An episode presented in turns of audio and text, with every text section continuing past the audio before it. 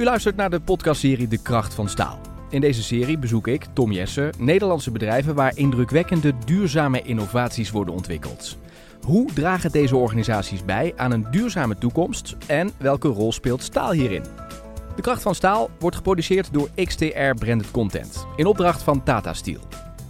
Fondsen staan in de rij om ze te steunen en laatst kwam ook koning Willem-Alexander langs bij Mixblik.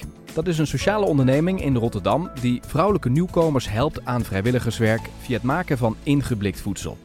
Bij die onderneming zijn we vandaag op bezoek en ik ga in gesprek met Iris van Beers, een van de founders van Mixblik. Nou, we staan voor het pand waar jullie droom wordt uitgevoerd. Iris van Beers, medeoprichter van uh, Mixblik. Wat gebeurt er hier binnen? Ten eerste welkom. We maken hier allerlei lekkere stoofmaaltijden en andere lekkernijen in blik. In een heel kort gezegd is dat wat hier gebeurt. Het is wel net wat bijzonderder, want uh, bij ons werken allemaal vrouwen met een vluchtelingen- of migratieachtergrond. Uh, en eigenlijk hebben wij gezegd, nou, we willen graag hun maaltijden, hun authentieke recepten uit hun landen uh, inblikken. Dat zijn we gaan doen. Laten we naar binnen lopen. We stappen over de drempel en dan staan we eigenlijk meteen op de plek waar het ook allemaal gemaakt wordt. Neem eens eventjes mee, wat zie ik hier allemaal omheen? Eigenlijk het eerste wat je ziet is heel veel blikken. Dat is ook het eerste wat ik elke ochtend zie. Uh, en voor de rest is iedereen hier lekker aan het, uh, aan het werk. Bij Mixblik uh, werken niet alleen vrouwen in dienst, maar werken ook um, ongeveer 15 vrouwen in een leerwerktraject. elk jaar leiden we hun op om hun talenten te ontdekken, maar ook om professioneel in een keuken te kunnen werken. Allerlei soorten dingen. daarnaast hebben we ook, focussen we ook echt op de Nederlandse taal. Iedereen die hier komt heeft eigenlijk ehm, een taalachterstand, is als migrant in Nederland gekomen bijvoorbeeld. En daarnaast uh, hebben wij ook een doelgroep met veel laaggeletterde vrouwen. Dus eigenlijk werkt en leert iedereen hier in het bedrijf. Dus je helpt eigenlijk de dames die hier aan het werk zijn, help je met inburgeren door middel van eten? Ja, eigenlijk wel. We hebben gezegd, nou we willen graag uh, vertrekken vanuit een punt uh, waar zij heel goed in zijn. Dus iets wat ze echt kunnen. Nou, toen hebben we een aantal vrouwen leren kennen die dat enorm hadden voor koken en voor de keuken van hun land van herkomst. Dus we zijn eigenlijk begonnen vanuit een stukje ja, talent. En uh, dat uitgewerkt tot, tot de basis van ons bedrijf. En we denken ook juist van nou, als je begint met iets waar je heel goed in bent, dan kan je daarna allerlei dingen daarbovenop stapelen. En ook dingetjes leren waar je nog minder goed in bent. Zoals misschien de administratie voeren of um, elke dag een product precies volgens het recept koken. Wat natuurlijk thuis in de keuken vaak nog een beetje, ah, beetje zout, een beetje peper, nog een beetje van dit. En hier is alles dan uiteindelijk gestandaardiseerd. En hoeveel dames werken hier? We hebben nu uh, drie productiemedewerkers in dienst. En daarnaast uh, stromen er elk jaar tien vrouwen in. Uh, die mogen dan maximaal twee jaar blijven. Dus op de top hebben we dan twintig personen tegelijkertijd die in het leerwerktraject zitten. Maar dat komt, ja, omdat ieder ook zijn eigen traject heeft, komt dat dan eigenlijk niet zo heel vaak voor. Dus vaak tussen de 10 en de 15 mensen die in opleiding zijn. En ja, het het team van betaalde krachten is groeiende samen met ons bedrijf. Dat is denk ik ook wel het doel, want je wil natuurlijk zoveel mogelijk vrouwen helpen om te inburgeren. Hoeveel ruimte heb je hier nog om uit te breiden? Want het is een grote ruimte, maar ook niet al te groot. Dus op een gegeven moment zit je ook aan ja, de grenzen van je groei. Ja, zeker. Ja, dat merken we nu ook al wel enorm. Zoals je, nou, zoals je dan ziet, staat het echt helemaal vol. We zijn op dit moment ook al wel bezig met de volgende stap. Dus uh, wie weet gaan we binnenkort verhuizen. We hebben nog grotere ruimte nodig ons doel is eigenlijk om, om voornamelijk een hele stabiele werkgever te worden. Niet per se om heel groot te worden of heel veel mensen te helpen. We denken namelijk echt dat als je beperkt aantal mensen heel goed helpt, dat je daar op de lange termijn meer aan hebt dan heel veel mensen een beetje. Dus mensen helpen, dat staat echt centraal. En ook het uh, zo hoog mogelijk maken van de winst is ook niet jullie doel? Nee, nee. Eigenlijk, we zijn echt een sociale onderneming waarbij het helpen van mensen en het verkopen van het product eigenlijk wel direct aan elkaar gelinkt zijn. Want we moeten wel namelijk producten verkopen om mensen te kunnen helpen. Dus wat wij eigenlijk zoeken is naar uh, een groei waarbij we een stabiele werkgever kunnen worden voor deze mensen. Maar ook um, voldoende verkoop, zodat we wel onze eigen broek kunnen ophouden. Iris, waarom hebben jullie nou gekozen voor blik? We hebben gekozen voor blik uh, eigenlijk in onze zoektocht naar een duurzaam verpakkingsmateriaal. Um, nou zijn er natuurlijk allerlei soorten duurzame verpakkingsmaterialen en zijn er allerlei pro's en cons. Uh, maar eigenlijk waarin wij, wat wij heel mooi vonden aan blik is dat het echt een eeuwig recyclebaar uh, product is. Um, en daarnaast heeft het een aantal voordelen zoals de lange houdbaarheid. Uh, en ook dat het redelijk licht in, uh, in transport is. En dat er toch wel een heel groot etiket overheen past, waardoor wij heel goed ons verhaal kunnen vertellen op het, op het blik. Ja, er zijn ook partijen die kiezen voor glas. Waarom is, is blik handiger, fijner, beter dan dat glas? Um, ja, ten eerste een moeilijke vraag, want beide zijn goede opties.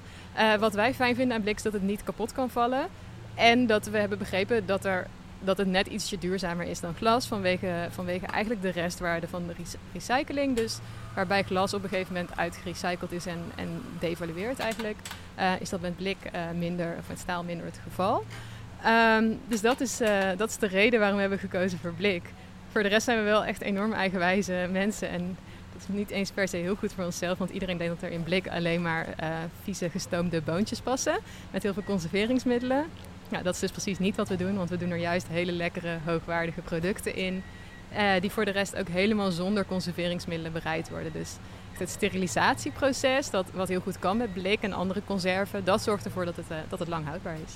Dus je vecht ook nog een klein beetje tegen dat vooroordeel van blik, dat is allemaal vies voedsel. Dat is dus niet zo. Ja, we hebben wel echt een imagoprobleem. Maar daar uh, proberen we heel hard elke dag wat aan te doen.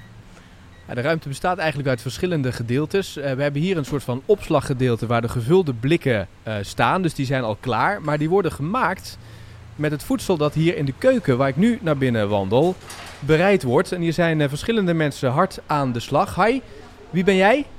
ik ben Zelda. En wat ben je aan het doen? Vandaag pinda maken. Ik, ik aardappel snijden uh, wortel snijden uh, en, en roeren maken. Dus je maakt, het, je maakt het voedsel hier. Wat, wat vind je van het werk? Ja, echt leuk. Uh, leuk, goede leren, goede Nederland taal leren, goede ander, ander land vooral samenwerk, samen lachen, samen eten, samen drinken. Echt leuk. Super, dankjewel. Alsjeblieft. Iris, dit is dus echt een keuken, hè? Dit is echt een keuken, ja. En jullie, want je noemt het volgens mij de fabriek, had ik ergens gelezen, deze hele ruimte?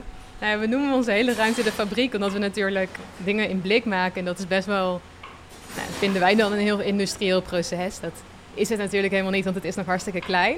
Uh, maar ja, dit is het stuk waar echt gekookt wordt. Dus de dingen worden, alle ingrediënten worden gesneden, geroerd in de pan, gekookt. Ja, er staan echt een paar hele grote pannen hier. Uh, waar alles, uh, alles in bereid wordt. We zijn ze daarachter bezig met uh, de aardappelen. Hier staan de worteltjes, die zijn al klaar. En dan, hoe gaat het dan verder? Waar wordt het dan gemengd? Ik neem aan daarachter in die ketels? Ja, ja het is eigenlijk zo...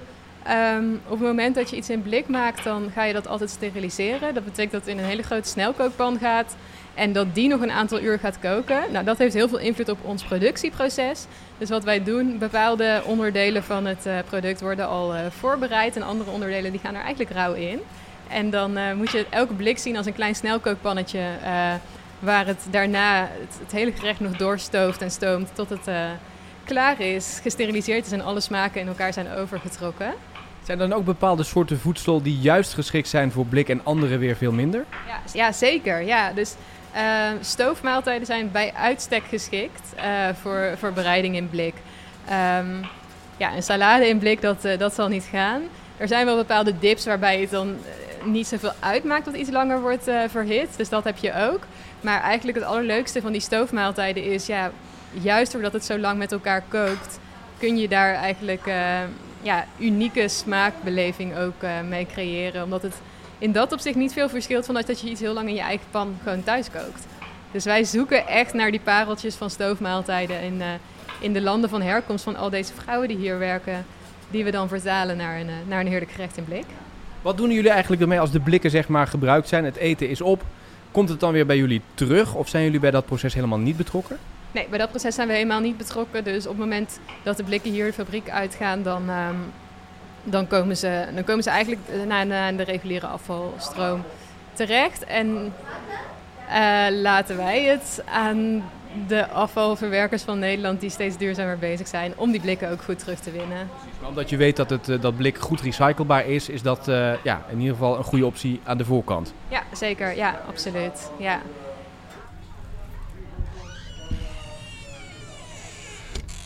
Deur van de keuken weer eventjes uh, dicht gedaan. Iris, nou kan ik me ook wel voorstellen dat jullie veel samenwerken met partijen hier in de regio om dit allemaal voor elkaar te krijgen. Hoe zit dat? Ja, zeker. We werken samen zowel met de inkoop van ingrediënten als met de afzet van onze producten. Dus eigenlijk hebben wij best wel veel verhaal te vertellen. Want uh, nog een heel stukje wat ik nu eigenlijk nog helemaal niet eens heb verteld, is dat we zoveel mogelijk met lokale ingrediënten proberen te werken. Ook al maken we zulke wereldse gerechten. Dus we motiveren ook de dames uh, als ze bij ons aan de slag gaan om, uh, om echt te kijken van wat wordt hier nou in de regio verbouwd. Daarvoor werken we samen met een uh, landbouwcollectief hier in de regio Rijnmond die allerlei soorten groenten biologisch verbouwt. Dus de wortels en de aardappels die komen hier echt, echt uit de buurt. Maar dat geldt wel voor meerdere producten. Dus ja, dat, dat, uh, dat is een stukje inkoop wat we op die manier proberen te doen. En voor de rest vinden onze producten ook uh, grote afzetmarkten hier met onder andere lokale supermarkten um, die, die het product inslaan. Maar onze missie is groot, dus wij hebben echt het doel om nog veel, door veel meer plekken terecht te komen en eigenlijk door heel Nederland straks verkrijgbaar te zijn. Zodat, ja, zodat ook iedereen kennis kan maken met onze, met onze lekkernijen in blik. Nou is de koning laatst hier geweest. Dat uh, vertelde ik al in mijn introductie. Dat zegt natuurlijk ook wel iets over jullie initiatief. Wat voor reacties krijgen jullie? Niet alleen over de, de vrouwen die hier aan het werk zijn, maar ook over dat je dus met, nou, met dit blik aan de slag gaat. Ja, echt. We krijgen heel veel uh, positieve reacties. Heel veel mensen zijn heel verbaasd van dat er zoiets lekkers in, uh, in blik kan zitten. We hebben zelfs van mensen gehoord dat ze de diepvriespizza hebben ingewisseld voor een blik van mixblik. Dus dat vinden wij echt... Dat is een topcompliment, toch? Ja, vinden we echt een enorm compliment. En dat is ook, ja, dat is ook wel wat het is. Het is eigenlijk een, een makkelijke en gezonde maaltijdoplossing voor als je na een dag werken ja, thuis komt en je denkt, ach, even geen zin. Nou, hoef je alleen nog maar wat rijst te koken en dan een lekkere maaltijd van mixblik erbij. En, uh, en is het toch ook gezond?